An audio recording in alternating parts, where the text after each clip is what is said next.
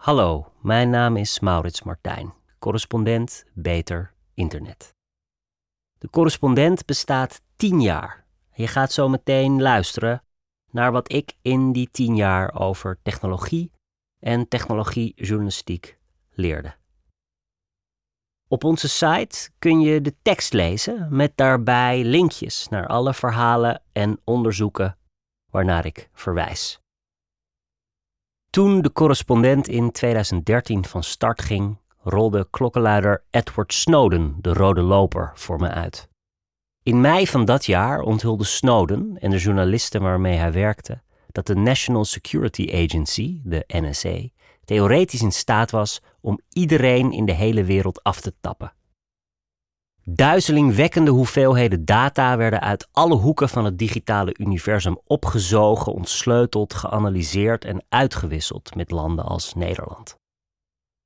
Dit was niet alleen een verhaal over Big Brother, het was ook een verhaal over Big Tech. Twee grootheden die in symbiose opereerden. Amerikaanse internetbedrijven konden jarenlang min of meer doen wat ze wilden, omdat de overheid hen nauwelijks wettelijke beperkingen oplegde. De NSA was op haar beurt afhankelijk van de commerciële techsector. De data waarin zij geïnteresseerd is, stromen door de kabels, datacenters, apps en apparaten van bedrijven als Apple, Facebook en Google. En daarmee gingen de onthullingen van Edward Snowden ook over ons, over de data die wij allemaal onbedoeld afstaan en over de glimmende apparaten die we gretig gebruiken en matig begrijpen. Zie daar de rode loper. Door Snowdens onthullingen waren de thema's waar ik al een paar jaar over schreef in één klap niet meer niche, maar mainstream. Ineens waren privacy en surveillance geen ver van mijn bedshow, maar onderwerpen die dichtbij kwamen. Vanaf de eerste publicatiedag van de correspondent onderzochten correspondent Data Dimitri Tokmetsis en ik hoe we allemaal online gevolgd worden en welke consequenties dat heeft. We schreven over lekkende smartphones en onveilige apparaten. We analyseerden de datalust van de Belastingdienst en de bevoegdheden van de Algemene Inlichtingen en Veiligheidsdienst, de AIVD. We publiceerden verhalen over hackers en wifi-netwerken, metadata en de dark web. Een paar van onze meest geslaagde producties waren het resultaat van wat je onder de motorkapjournalistiek kunt noemen. Daarbij zetten we technologie of gespecialiseerde techneuten in om te doorgronden hoe bepaalde technologie echt werkt. Zo legden we bloot welke data door wie worden verzameld als je nu.nl bezoekt, hoe onveilig wifi-netwerken zijn, hoe makkelijk webcams zijn te hacken en wat jouw smartphonegedrag over jou vertelt. Hoogtepunt in dit genre was ons onderzoek naar de populaire hardloop-app Polar. We ontdekten dat het via de app mogelijk was om de namen en de huisadressen van duizenden militairen en medewerkers van inlichtingendiensten uit 69 verschillende landen te achterhalen. Toch is goede technologiejournalistiek voor mij journalistiek die juist niet te veel over technologie gaat. Het is journalistiek die laat zien hoe de wereld werkt en welke rol technologie daarbij speelt. Journalistiek over belangen en systemen, ideeën en politiek, structuren en verandering. Journalistiek voorbij het glimmende ding. Als ik terugblik op tien jaar technologiejournalistiek voor de correspondent, dan zie ik tussen de verhalen waar ik trots op ben drie rode draden gespannen. Drie lessen, zo je wilt, die mij helpen doorgronden wat technologie is, wat het niet is en wat het kan zijn. Technologie is macht, technologie is mythe en technologie is mogelijkheden. Technologie is een materialisatie van macht al dus techcriticus Jathan Sadowski. Dat klinkt wat marxistisch, en dat is het ook. En het is waar. Technologie is een middel om macht te krijgen, te consolideren of uit te oefenen. Ik heb veel geschreven over de wereld van de geheime diensten, een van de domeinen waar dit het meest zichtbaar is. Kennis is macht en technologie is voor de diensten het middel om die kennis te vergaren. Van de Russische veiligheidsdienst die gevoelige data van alle Nederlandse sporters in Sochi verzamelde, tot het Chinese ministerie dat Nederlandse emotieherkenningssoftware kocht. Dat is iets van alle tijden, zo ontdekte ik tijdens het spannendste en leukste onderzoek dat ik deed, samen met inlichtingen-expert Kees Wiebes. Operatie Leunstoel heette het. Hoe een klein Nederlands bedrijf de CIA hielp om de Russen af te luisteren. Samen met Wiebes reconstrueerde ik in anderhalf jaar de nooit vertelde sleutelrol die dit Nederlands bedrijf speelde tijdens de Koude Oorlog. Dat technologie een machtsmiddel is, zie je ook aan de huidige geopolitieke strijd over chips en over kunstmatige intelligentie. Je ziet het aan de greep van grote techbedrijven op het onderwijs en op andere cruciale onderdelen van de samenleving en economie. Je ziet ook wat er gebeurt als je te afhankelijk wordt van technologie van anderen. Soevereiniteit is terecht een van de politieke buswoorden in Brussel. Omdat de Europese Unie steeds minder zelf maakt, van chips tot mondkapjes, moet ze leunen op andere landen. En is er ook veel kennis, en dus macht, weggevloeid. Een perfecte illustratie hiervan is het broodrooster zo leerde ik van tech-expert Bert Hubert. Een broodrooster is niet alleen een metafoor om te illustreren hoe kwetsbaar Europa is, maar ook om te leren wat te doen aan die kwetsbaarheid.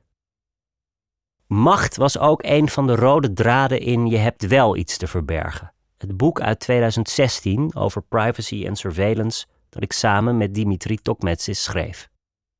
Het gaat over de manier waarop overheden en bedrijven persoonlijke informatie verzamelen, welke gevolgen dat heeft en waarom we ons daar zorgen over moeten maken. Een van de belangrijkste redenen is de machtsdisbalans tussen de verzamelaars en individuen, tussen ons en de technologieën om ons heen, tussen ons en de bedrijven wier producten en diensten we gebruiken, en tussen ons en de overheden waar we als burgers afhankelijk van zijn. Wij doorgronden hen nauwelijks, terwijl zij ons tot in onze diepste vezels leren kennen. Technologie is macht, maar over technologie gaan ook veel verhalen rond.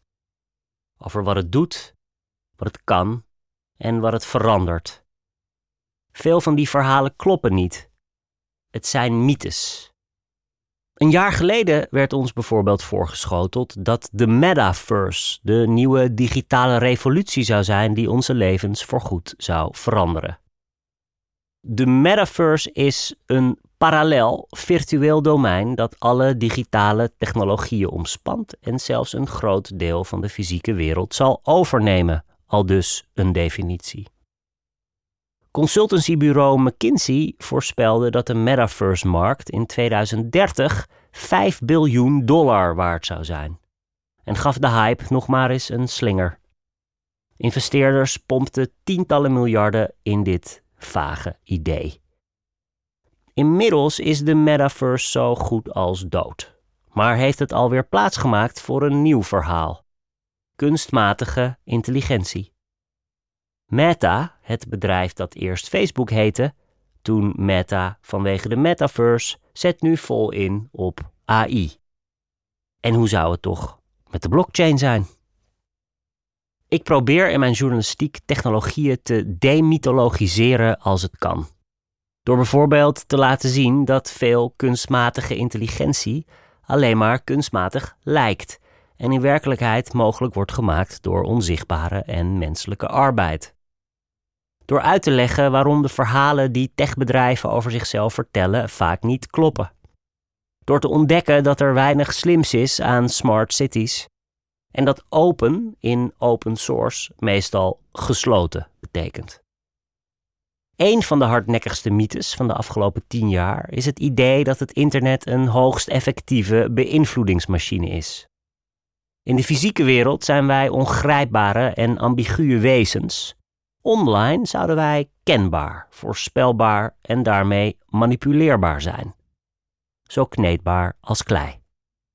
Voor voorstanders van deze mythe vormt de online advertentiemarkt het bewijs dat dit een keiharde werkelijkheid is. Want wat verklaart anders die honderden miljarden die adverteerders eraan uitgeven en die Google en Facebook ermee verdienen? En bovendien, we kunnen nu toch alles meten en we meten toch ook alles?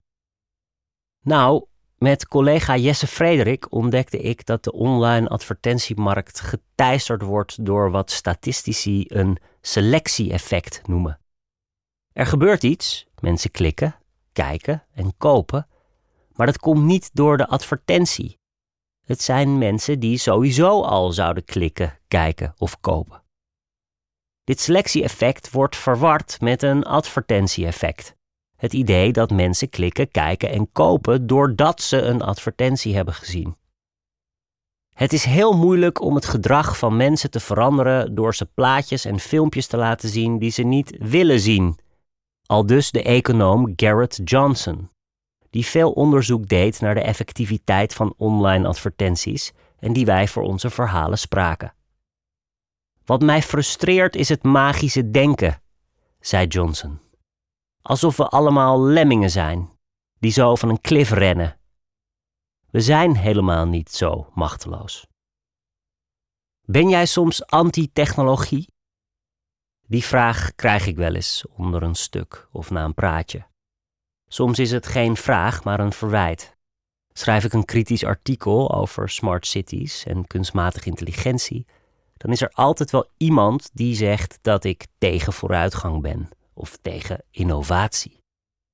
Dan ben ik een ludiet, een scheldwoord vernoemd naar de 19e-eeuwse Britse wevers die zich verzetten tegen de komst van geautomatiseerde weefapparaten door de machines met hun sloophamers te lijf te gaan. Totdat het Britse leger in 1816 meedogenloos ingreep. De automatisering zette door en de ludieten verloren hun strijd. Zo gek is het dus niet dat de Britse wevers symbool zijn komen te staan voor nutteloos verzet tegen een onvermijdelijke toekomst. Maar je kunt de geschiedenis van de ludieten ook anders lezen. Ze waren namelijk niet anti-technologie, in tegendeel. De ambachtslieden gebruikten geavanceerde apparaten om hun werk te kunnen doen. Nee, ze waren tegen bepaalde technologieën die hun bazen inzetten om hen te vervangen. Ze richtten hun sloophamers op die technologie die hen werkloos maakte of hun lonen deed dalen. Ze vielen de machines aan, maar bestreden de werkloosheid en de armoede. De ons voorgestelde toekomst is niet onvermijdelijk, is de boodschap van de ludieten. Verzet is niet nutteloos. Met een beetje fantasie kun je de ludieten zien als critici van technologie als manifestatie van macht. Hun strijd richt zich op de mythe dat technologie per definitie vooruitgang betekent. Ik sluit me dan ook graag aan bij een clubje journalisten, onderzoekers en activisten dat de naam ludiet als geuzennaam draagt. Wat ik interessant vind aan deze neoludieten is dat ze niet alleen in woord dingen kapot maken, maar ook nadenken over wat te bouwen en op welk fundament. Boos zijn op big tech is populair deze dagen, maar die kritiek is vaak weinig verrassend. Dan gaat het over problemen als privacy, nepnieuws, manipulatie, machtsmisbruik, of over oplossingen als miljarden boetes, mededingingsrecht, regulering en nieuwe wetten. Belangrijk, maar ze zijn vooral gericht op de vraag hoe het huidige systeem beter kan werken. Ludiete vragen: kan het ook anders? En ja, dat kan. Het is de missie van de correspondent om voorbij de waan van de dag te gaan. Onze correspondenten voorzien het nieuws van context en schrijven over de grote thema's van deze tijd. De correspondent geeft me de vrijheid om mijn nieuwsgierigheid te volgen en de tijd om verhalen te schrijven. En zo probeer ik onzichtbare structuren zichtbaar te maken en een andere kijk te bieden op debatten die het nieuws domineren. Dan gaat het minder over het spelletje en veel meer over wat er op het spel staat. Vanaf dag 1 zijn onze artikelen, boeken en podcasts gefinancierd door onze leden. Volg ons op onze journalistieke zoektocht. Overweeg eens lid te worden van de correspondent. En maak daarmee samen met ruim 70.000 anderen onze onafhankelijke journalistiek mogelijk. Dus word lid van de correspondent. Ja. Word lid. Word lid.